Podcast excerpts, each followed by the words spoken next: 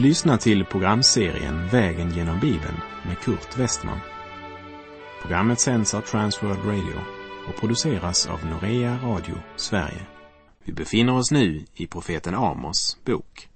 Slå gärna upp din bibel och följ med. Vi har kommit till kapitel 8 hos profeten Amos. Här möter vi profetens fjärde syn som fyller hela det åttonde kapitlet av Hosea bok. Det är viktigt att förstå innehållet i denna profetsyn eftersom det vill hjälpa oss att tolka det som kommer senare. Framförallt kastar det ljus över några av de ord som vår Herre Jesus har uttalat. Vi läser Amos kapitel 8, vers 1. Detta lät Herren, Herren mig se. Jag såg en korg med mogen frukt. Förra kapitlet avslutades med en dialog mellan Betelbiskopen Amasja och Herrens profet Amos. Men den avslutades uppenbart ganska fort. Och framtiden kommer att bjuda på en otrolig överraskning för den trygga och självsäkra Amasja som innehar sitt ämbete med stöd av en ogudaktig kung. Amos var profet i kraft av kallelsen från Gud. Gud som gav honom marschorder och även ett budskap. Men Guds sanna budskap var inte omtyckt av det religiösa etablissemanget i Betel. Därför jagar man bort profeten från Juda och nekar honom att komma in i Betels helgedom för att tala. Men Amos uppdrag är också slutfört. Gud har inte något mer att säga till det folk som föraktat sin besökelsetid. Därför är det naturligt att kapitel 8 börjar med synen av en mogen fruktkorg som förkunnar att som frukten i korgen är mogen så är Israel mogen för Guds dom. Fruktkorgen talar till oss något som är moget att skördas. Det talar till oss om sambandet mellan sådd och skörd. Det talar om träd som inte längre producerar. Det är skördetid. Och Gud ger oss en talande illustration inför vilken vi bör bli stilla och besinna livets och dödens allvar. Och att det är på frukten man känner trädet. Hör dessa allvarsmättade ord från Lukas kapitel 3, verserna 7 till och med 9. Jesus sade nu till folkskarorna som kom ut för att döpas av honom. Ni huggormsyngel, vem har intalat er att försöka fly undan den kommande vredesdomen? Bär då sådan frukt som hör till omvändelsen. Och tänk inte, vi har Abraham till fader. Jag säger er att Gud kan uppväcka barn åt Abraham av dessa stenar. Redan är yxan satt i roten på träden så blir varje träd som inte bär god frukt nerhugget och kastat i elden. Vi minns från kapitel 7 när Gud vid två tillfällen uttalade den dom som väntade nationen Israel. Och då gick Amos i förbön för dem och så lovade Herren att domen inte skulle verkställas. Men Guds långmodighet och kärlek besvarades med likgiltighet och man fortsatte precis som förr med avgudsdyrkan, synd, omoral och ogudaktighet. Och nu är korgen full med mogen frukt. Och här går mina tankar till orden i Johannes uppenbarelsebok kapitel 14, verserna 14 till och med 16. Och jag såg och se ett vitt moln och på molnet satt en som liknade Människosonen. På sitt huvud hade han en krona av guld och i sin hand en skarp skära. Och en annan ängel kom ut från templet och ropade med hög röst till honom som satt på molnet. Räck ut din skära och skörda. Skördetiden har kommit, ty jordens gröda är mogen. Han som satt på molnet räckte då ut sin skära över jorden och jorden skördades. Amos får alltså i en syn se en korg med mogen frukt. Och vi läser Amos 8, vers 2 och 3. Han sade, vad ser du, Amos? Jag svarade, en korg med mogen frukt. Då sade Herren till mig, slutet har kommit för mitt folk Israel. Jag skall inte skona dem ytterligare en gång. Sångerna i palatset ska på den dagen övergå i klagan, säger Herren, Herren. Döda kroppar i mängd skall i tysthet kastas överallt. Mellan liken som ligger utspridda blir folk nu helt stumma. Den falska tryggheten är borta. Självsäkerheten lagd i grus. Skrålet som de trodde var lovsång till Gud har tystnat. En fruktansvärd och skakande profetia om vad som väntar det folk som så länge gått sina egna vägar och mitt i allt detta behållit den religiösa aktiviteten. Religion utan gudsfruktan, som varit så framgångsrik en stund, har nu drabbats av Guds vrede. Sången övergått i klagan. I den 126 saltarsalmen utbrister salmisten, det som sår med tårar ska skörda med jubel. Men det var inga omvändelsens tårar i Betels helgedom. Där var det bara en religionsblandning, där var och en erbjöds just det som var och en kände behov för. Det var så många framgångsrika och tjänstvilliga öronkliare som sörjde för att man fick just det som man kände lust till. Därför blev det ingen skörd under jubel, utan tvärtom, sångerna förbyttes i klagan. Gränsen är nådd.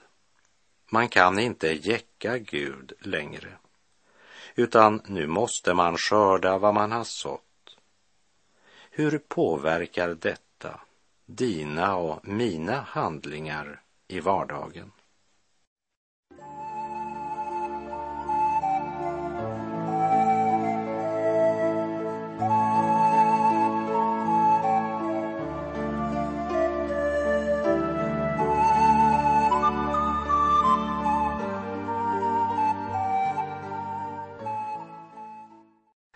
Läser profeten Amos kapitel 8, verserna 4 till och med 6. Hör detta, ni som står efter den fattiges liv och vill göra slut på det olyckliga i landet. Ni som säger, när är nymånadsdagen förbi så att vi får sälja säd och sabbaten så att vi får öppna vårt sädesförråd. Då ska vi göra efamåttet mindre och höja priset och förfalska vågen så att den visar orätt vikt. Då ska vi köpa det utblottade för pengar och den fattige för ett par skor och spillsäden ska vi då sälja som säd. Än en gång talar Gud om deras utnyttjande av de fattiga. Guds sociala ansvar är så stort att vi kan inte blunda för detta. Och Gud anklagar dem som drivit de fattiga till en sådan fattigdom att de inte hade någon möjlighet att komma ut ur sitt elände. Och dessa välbärgade var så upptagna av personlig vinning och att kunna roffa åt sig mera att till och med när de gick till helgedomen med sina offer så tänkte de bara på hur mycket de skulle kunna lura till sig från de fattiga när helgen var över. För under sabbaten var det ju strängt förbjudet att driva någon handel. Hade de kunnat så hade de säkert drivit sina affärer även då. Men trots att det inte lät sig göra var det ändå bara sin egen vinning de tänkte på, vardag som helg. Men Gud såg längre än till deras offer och deras ritual. Han såg till hjärtat. Och han visste att dessa välbärgade som alltid kom så punktligt till helgedomen skulle så fort det blev vardag utnyttja den fattige för ett par skor och erbjuda dem spillsäd men säga att det var utsäde. Vi har väl också en tendens att bara erbjuda spillsäd när vi ska hjälpa nödlidande. En klädinsamling får oftast motta det man städat ut från vinden eller källaren. Det som man inte själv kan använda längre. Och så tycker man sig göra en så god gärning. Man offrar så gärna av det som man är glad för att bli kvitt. Hur annorlunda var det då inte med David, mannen efter Guds hjärta? Du minns kanske från vår vandring genom Andra Samuelsbokens 24 kapitel att när David skulle bygga ett altare åt Herren och där bära fram offer åt Herren så sa Arauna till David min herre kungen må ta till sitt offer vad han önskar. Se här är boskapen till brännoffer och här är tröskvagnarna och boskapens ok till ved. Allt sammans, o konung, ger Arauna till kungen. Och därefter sa han, må Herren din Gud vara dig nådig. Men då svarade David så här, Andra Samuelsbok 24, 24. Nej, jag vill köpa det av dig för ett bestämt pris. För jag vill inte offra åt Herren min Gud brännoffer som jag har fått för intet. David tänkte inte bära fram ett offer bara för att det inte kostade honom något. David var ju mannen efter Guds hjärta. Och ju mer vi läser om David, desto mer förstår vi vad Gud menade med det. Det är inte heller någon tillfällighet att Jesus lade märke till änkan som la sina sista slantar i offerkistan i templet. För Herren ser inte till gåvan, men till hjärtat som ger. Jag citerar Markus 12, verserna 41 till och med 44. Jesus satte sig mitt emot offerkistan och såg hur folket la pengar i den. Många rika gav mycket. Men där kom också en fattig änka och lade ner två små kopparmynt, några ören. Då kallade han till sig sina lärjungar och sade till dem, Amen säger jag er. Denna fattiga änka lade dit mer än alla de andra som lade något i offerkistan. Ty alla gav det av sitt överflöd. Men hon gav av sin fattigdom allt vad hon hade att leva på. Jesus såg att de rika la mycket i offerkistan. De var storgivare och sådana är älskade av kyrkor och organisationer idag. De rika gav stora gåvor. Men Jesus kommenterade inte det. Han la märke till en gammal dam som la två skärvar i offerkistan. Jesus såg kvinnan som inte behöll något för sig själv, men som gav honom allt.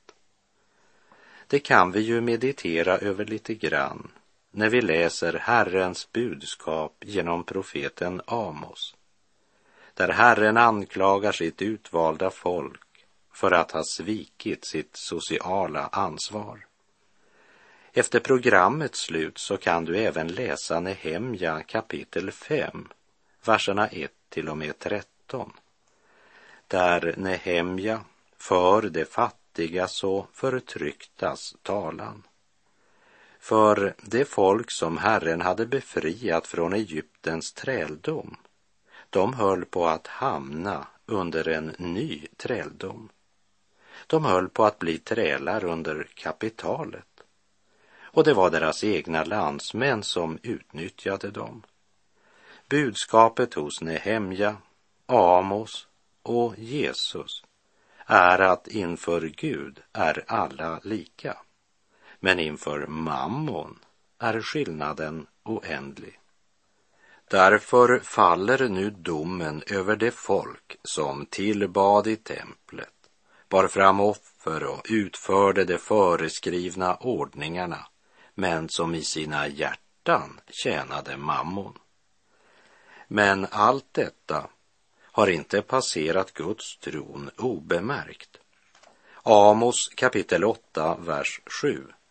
Herren har svurit vid Jakobs stolthet.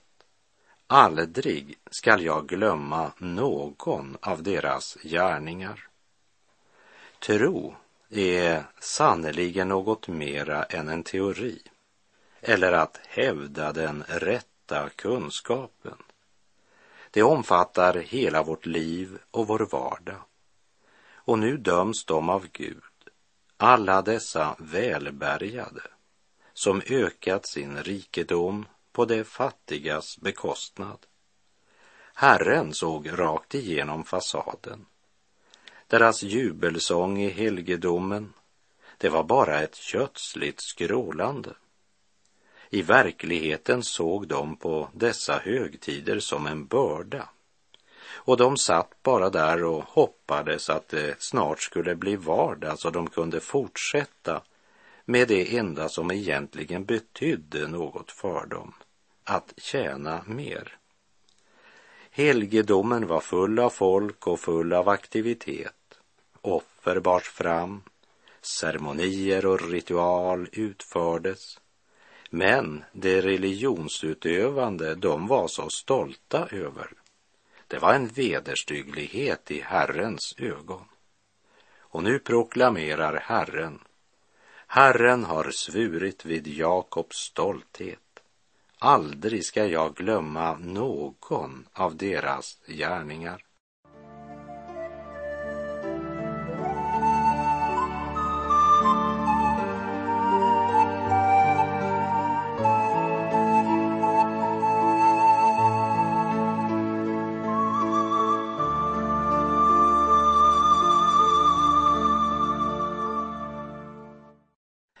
Israel överflödade i synd och avgudsdyrkan. Och allt detta avfall från Herren skedde i Herrens namn i Betels helgedom. Och Herren svor att han aldrig skulle glömma deras gärningar. När det sägs att Herren svär vid Jakobs stolthet, så svär han alltså vid sig själv. Ty det var Herren som gav bedragaren Jakob ett nytt namn. Första Mosebok 35.10. Men du skall inte mer heta Jakob, utan Israel ska vara ditt namn. Men nationen hade fallit djupt i synd.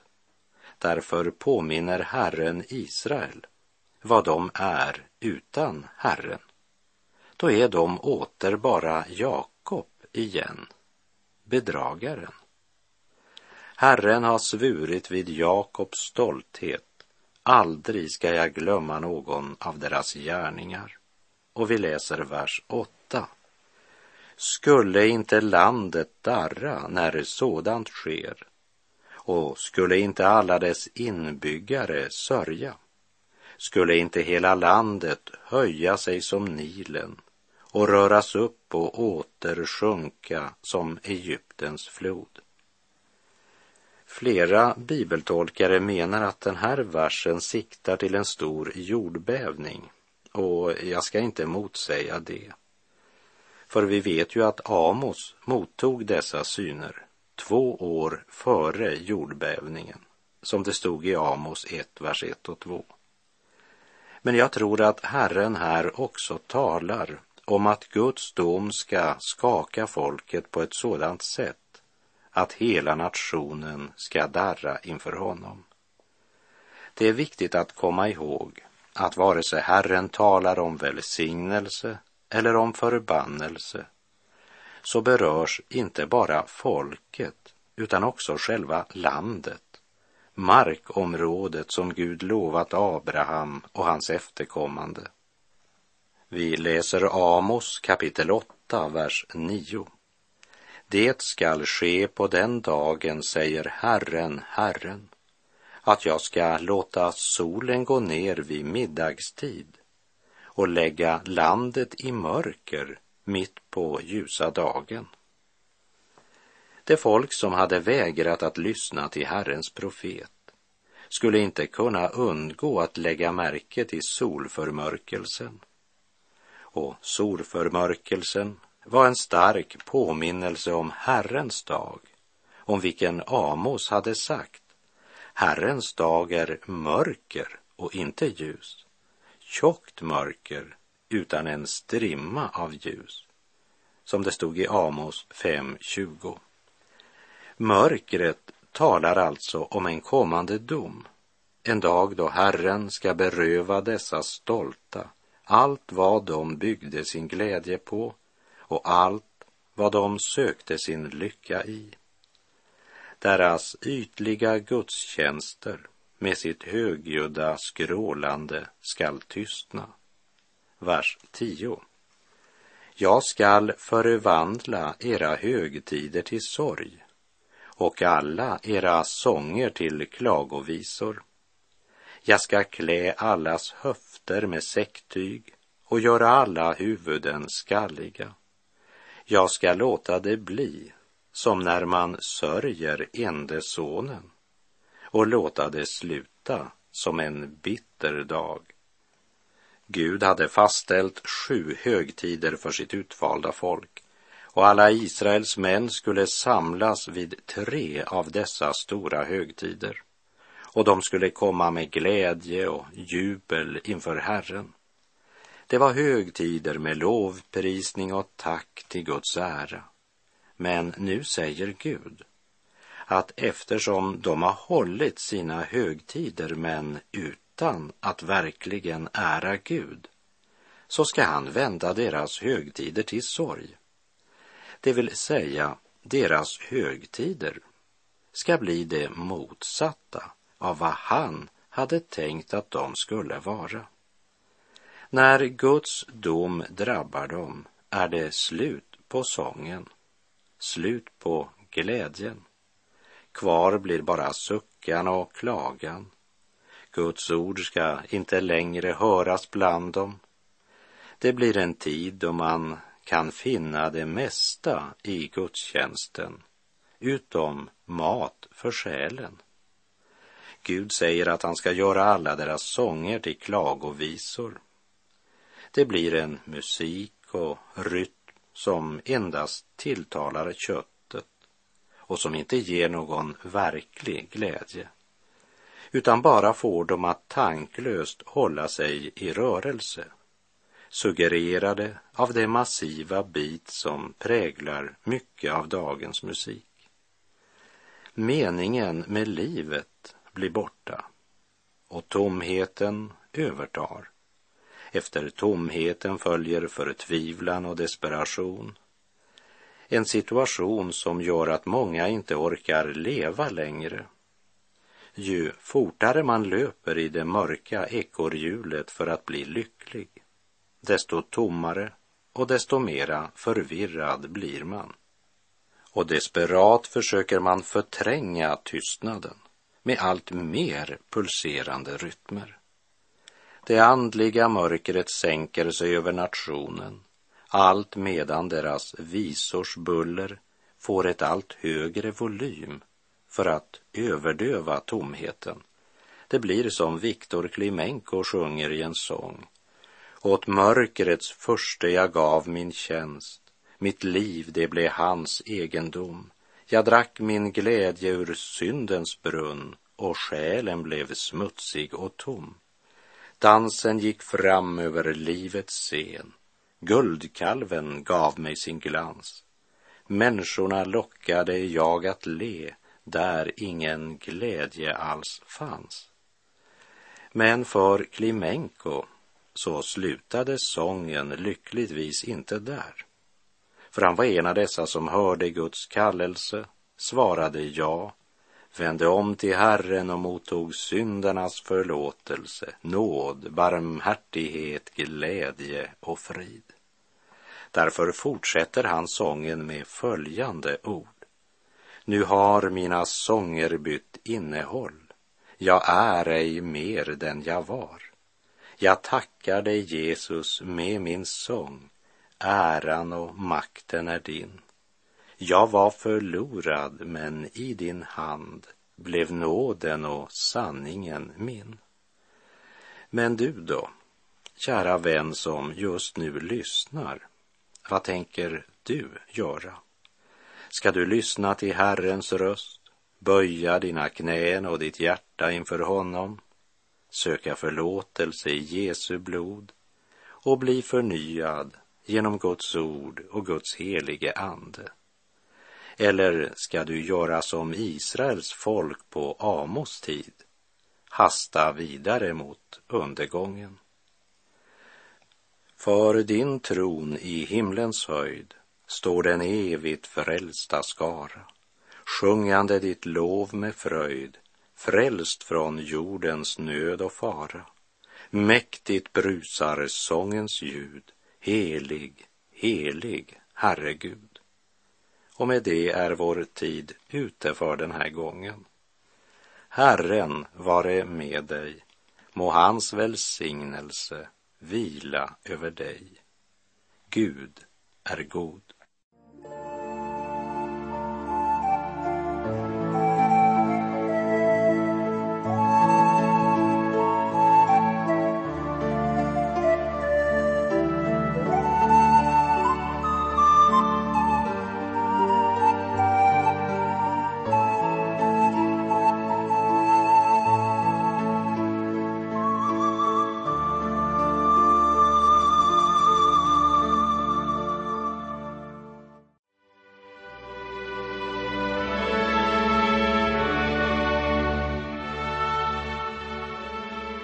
Har lyssnat till programserien Vägen genom Bibeln med Kurt Westman som sänds av Transworld Radio.